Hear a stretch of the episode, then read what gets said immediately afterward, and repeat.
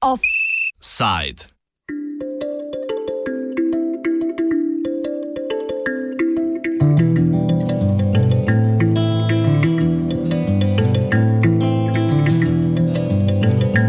Grenke čokoladne sanje. nangomboyo na bavondo bazokufa bana bazokende na etumba Na sobotnih predsedniških volitvah v slonokoščeni obali je z več kot 90 odstotki glasov pričakovano zmagal dosedanji predsednik Lasan Vatara. Če bo zmago po vseh preštetih glasovih potrdilo tudi ustavno sodišče, bo to že njegov tretji zaporedni mandat na čelu ene ekonomsko najuspešnejših držav v Zahodnji Afriki. A predsedniška kampanja ni potekala brez zapletov. Vatara je ob nastopu drugega predsedniškega mandata leta 2017 zatrjeval, da si ne bo prizadeval za vnovično zasedbo funkcije, a si je premislil po smrti premijeja in svojega izbranega naslednika Amaduja Gon Kolibalija v avgustu. Ta je bil namreč predsedniški kandidat Vatarajeve stranke Gibanje republikancev, ki na slonokoščeni obali učinkovito vlada od leta 2010. mourant à leur tour. Les voleurs d'or noir jour. Opozicija z nekdanjim predsednikom Enrijem Konanom Bedjejem iz konzervativne demokratske stranke Slonokoščene obale ter nekdanjim premijejem Paskalom Afijem Ngesanom iz socialdemokratske popularne Slonokoščene fronte na čelu je začela pozivati k bojkotu volitev, tako da je bila udeležba le nekaj več kot 50 odstotna.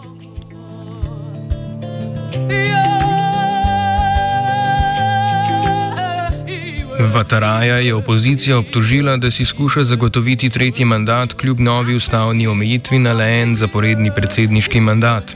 Kar se tiče ustavnih omejitev, se je Vatara skliceval na spremembo ustave leta 2016, ki je bila ratificirana v času njegovega drugega mandata. Ta je po njegovem tolmačenju po sprejetju ustavnih sprememb obveljal kot prvi petletni predsedniški mandat. Ustavno sodišče je Vataraju sicer pritrdilo, a opozicija rezultatov volitev kljub temu ne priznava. Napovedali pa so tudi ustanovitev prehodnega sveta, ki naj bi pripravil ogrodje za kredibilne in transparentne volitve. Magouille politique, le quota Državi je v enostrankarskem sistemu vse do konca prejšnjega stoletja vladala demokratska stranka slonokoščene obale, ki jo je ustanovil Felix Hofo-Boigny, oče naroda in prvi predsednik slonokoščene obale. Ve veliki zagovornik privatizacije se je po razglasitvi neodvisnosti uprl projektu afrikanizacije, ki so mu sledile druge frankofone afriške države in nekdanjim francoskim kolonialnim gospodarjem ponudil možnost dobrega zaslužka.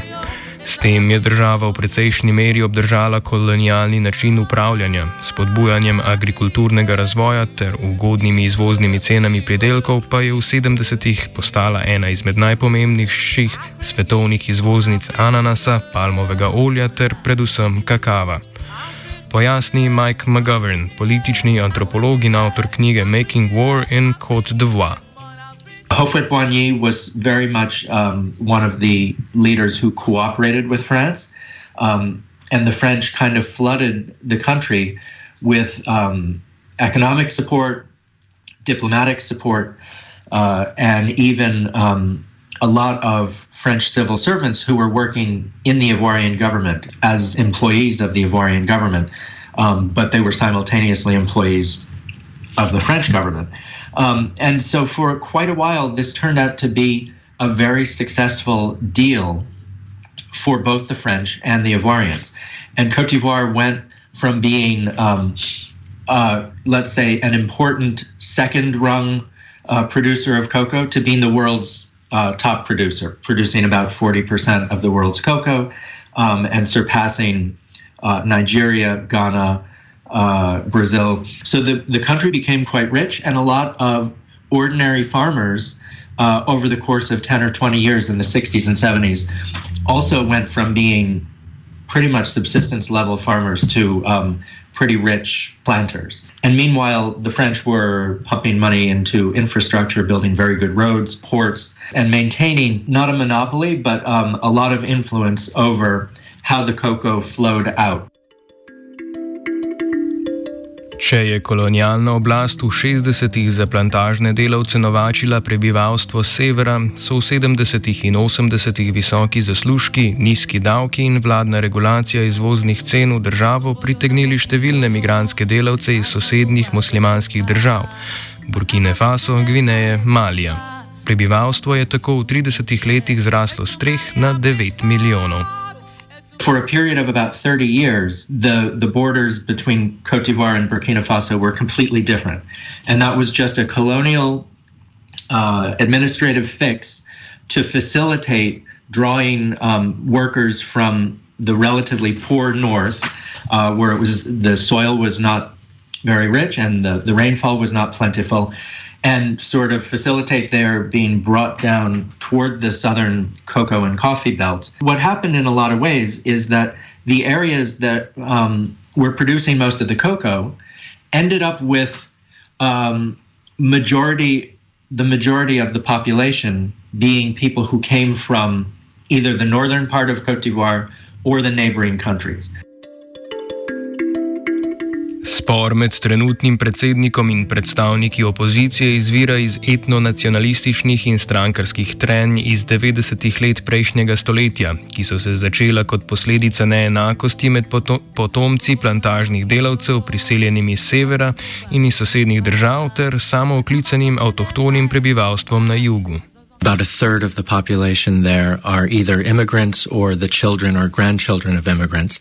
And when the economy turned down, then the feeling towards immigrants became increasingly negative, and people started feeling that if they were able to sort of expel this immigrant population, they would somehow cure all of the problems that really were independent of uh, the immigrant population. In many respects, immigrants in Cote d'Ivoire do work that most Ivoirians couldn't be bothered to do or wouldn't be willing to do.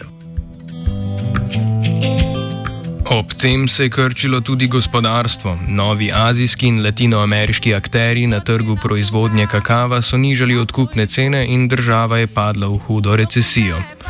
Po smrti predsednika Hofo Buanjeja leta 1993 je vodene, vodenje države prevzel imenovani naslednik Henri Conan Bedje, ki pa etničnih konfliktov ni znal pomiriti in se je opiral uvedbi večstrankarskega sistema.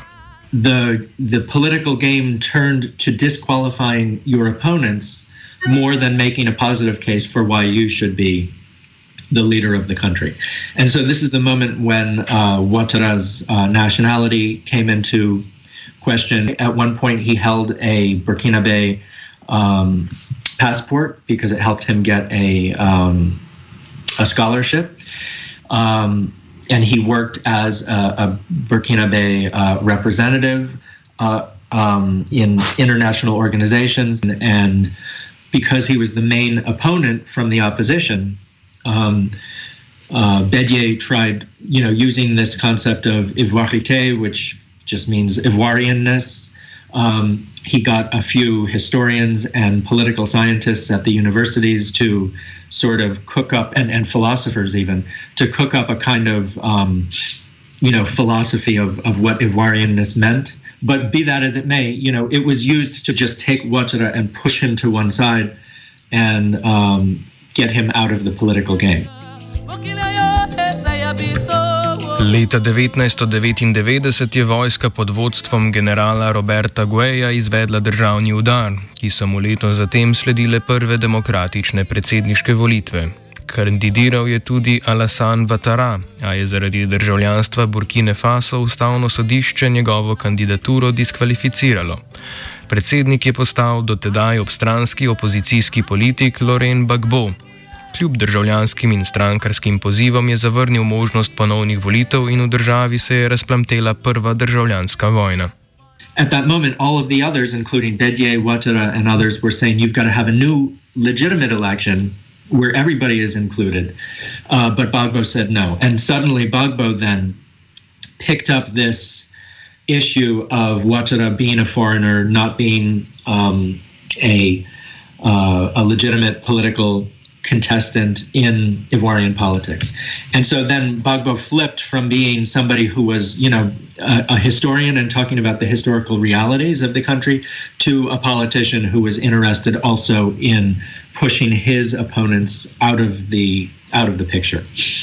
And that's really um, you know the the situation in which the 2002 uh, attempted coup took place, and then the coup was unsuccessful, but the the um, the coup fighters uh, were able to control the northern half of the country, and so then you had a situation from 2002 to 2011 where the country was like Cyprus; it was basically split in two with a um, a line patrolled by French, mostly French, some UN soldiers, uh, called the Zone de Confiance, um, which was a kind of buffer zone between the two. So from that point, for you know, for nine years, Cote d'Ivoire was basically two separate countries um, being ruled from separate separate capitals by separate uh, governments, the rebel government and the Gbagbo government in, in the south.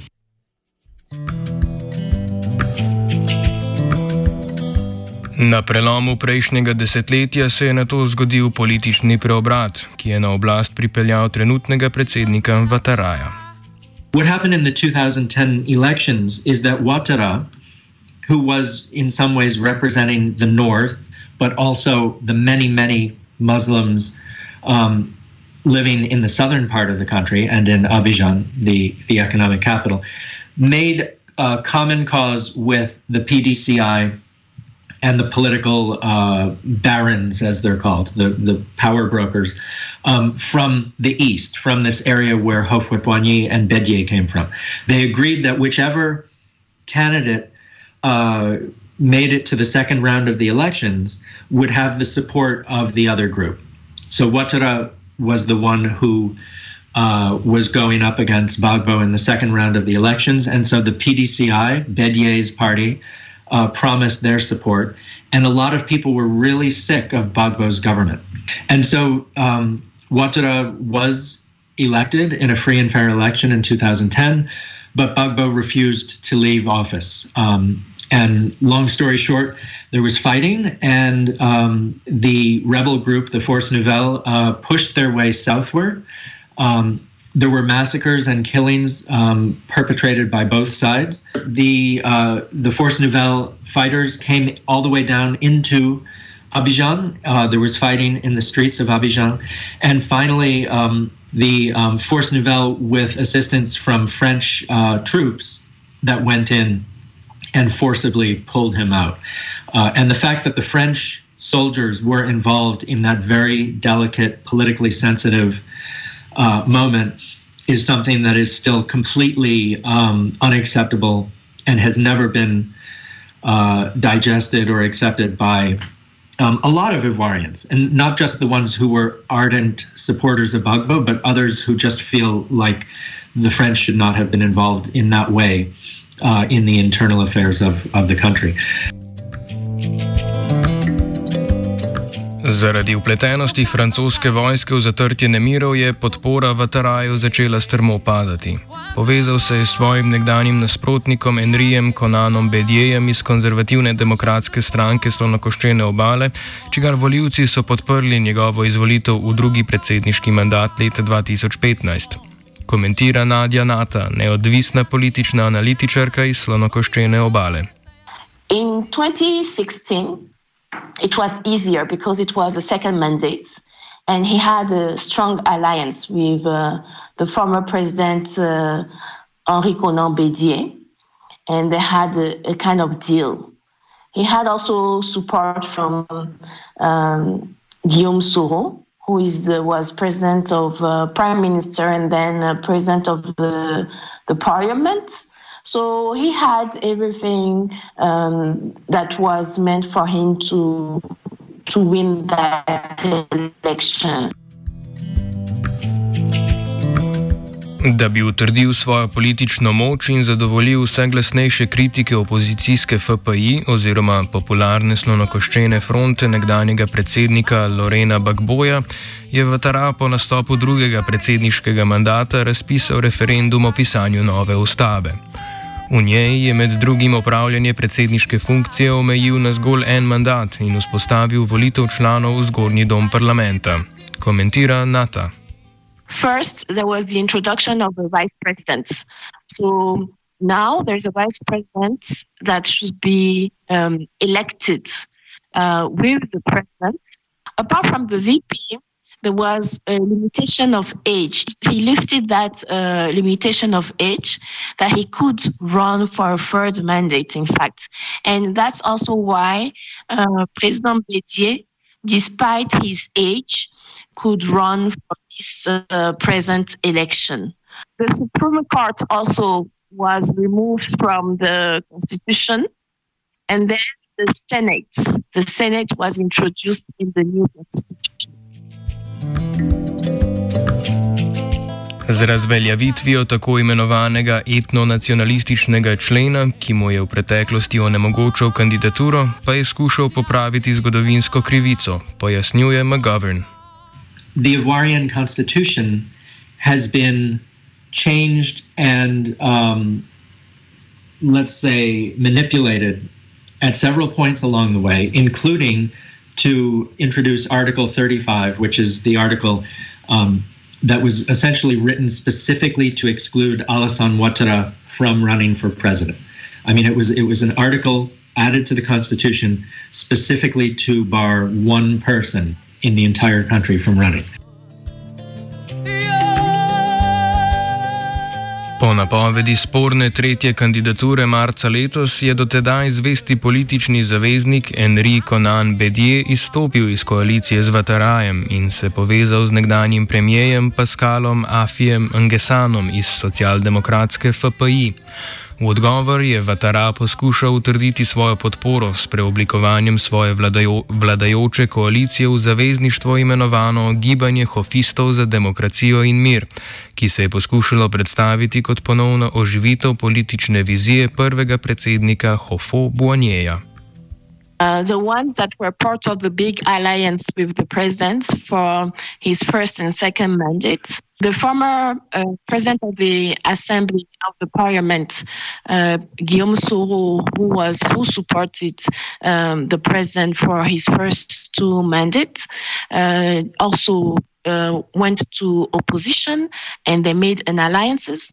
The former Prime Minister Afin Guesson from FPI, which is the original party of uh, former President Gbagbo, who also went who since the the beginning of the mandates, and you have President Babo himself and the second part of the FPE that stayed with him because there was a split in his uh, political party, who also is, is forming the opposition. You also. Opozicija je vrhovnemu sodišču očitala zavrnitev kandidature priljubljenega Lorena Bagboja zaradi postopka na mednarodnem kazenskem sodišču v povezavi s poboji po predsedniških volitvah leta 2010. Bagbo ima namreč še naprej precejšnjo državljansko podporo, predvsem v zahodnem delu slonokoščene obale. Njegova vrnitev in kandidatura pa bi potrdila njegovo domnevno nedolžnost in podobo uspeha v boju proti zahodni pristranskosti, ki jo pooseblja Vatara.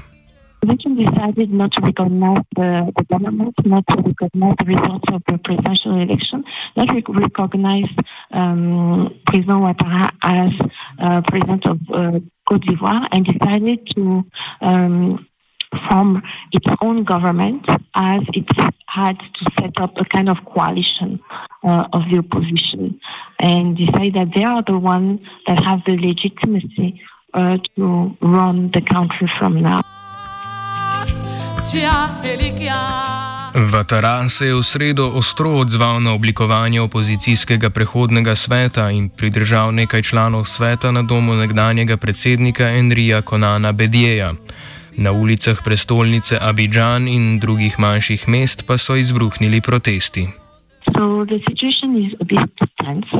so there's a call for dialogue, a call for dialogue from from all the the, the international community, the observers uh, missions that came on ground, like the African Union, ECOWAS, and others, uh, so that they come and, and, and discuss.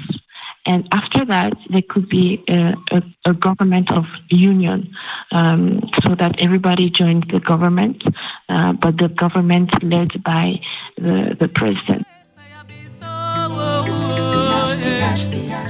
Francija je sprte strani pozvala k dialogu. Opozicija v slonokoščeni obali pa se boji, da bi ob morebitni eskalaciji nasilja spet prišlo do vojaškega posredovanja nekdanje kolonialne vladarice, ki ima po državi nameščenih več vojaških baz. Politične spremembe se v frankofoni Afriki v postkolonialnem obdobju žal ne dogajajo brez soglasja Francije, pojasnjuje McGovern. The French continue to have military bases in several francophone African countries, including Cote d'Ivoire, Senegal, Chad. Um, and so it's one of the um, important aspects of the post colonial pact between France and its former colonies, which has ensured that France continues to have a very uh, significant role to play in terms of um, you know, the policies, especially foreign policy. Um, right now, counterterrorism is important to France, um, but also the the kind of the politics around uh, agricultural exports like cocoa. Nadja Nata, ki prebiva v pretežno katoliškem predelu Abidžana, zavrača možnost ponovnega izbruha državljanske vojne. Povdarja pa, da je bila politična zgodovina slonokoščene obale doslej vedno razdiralna, obljube politikov pa kratkotrajne. Pot k spravi po njenem mnenju leži v naročju mlade generacije, ki pa jo čaka še veliko dela. Political leaders who are the ones that are being kind of in, instrumentalized in the streets and who are being part of the violences. Others, uh, uh, which led to community um, fights, which led to deaths among the community, uh, because there were already some community uh, tensions, and this came to um, highlight the divides among the the, the, the, the community. So I think there is a work to do in terms of reconciliation because the, the, the country is divided. There are strong divisions among the communities and that led to death. Uh, to death. So it's important that there is a, a reconciliation process.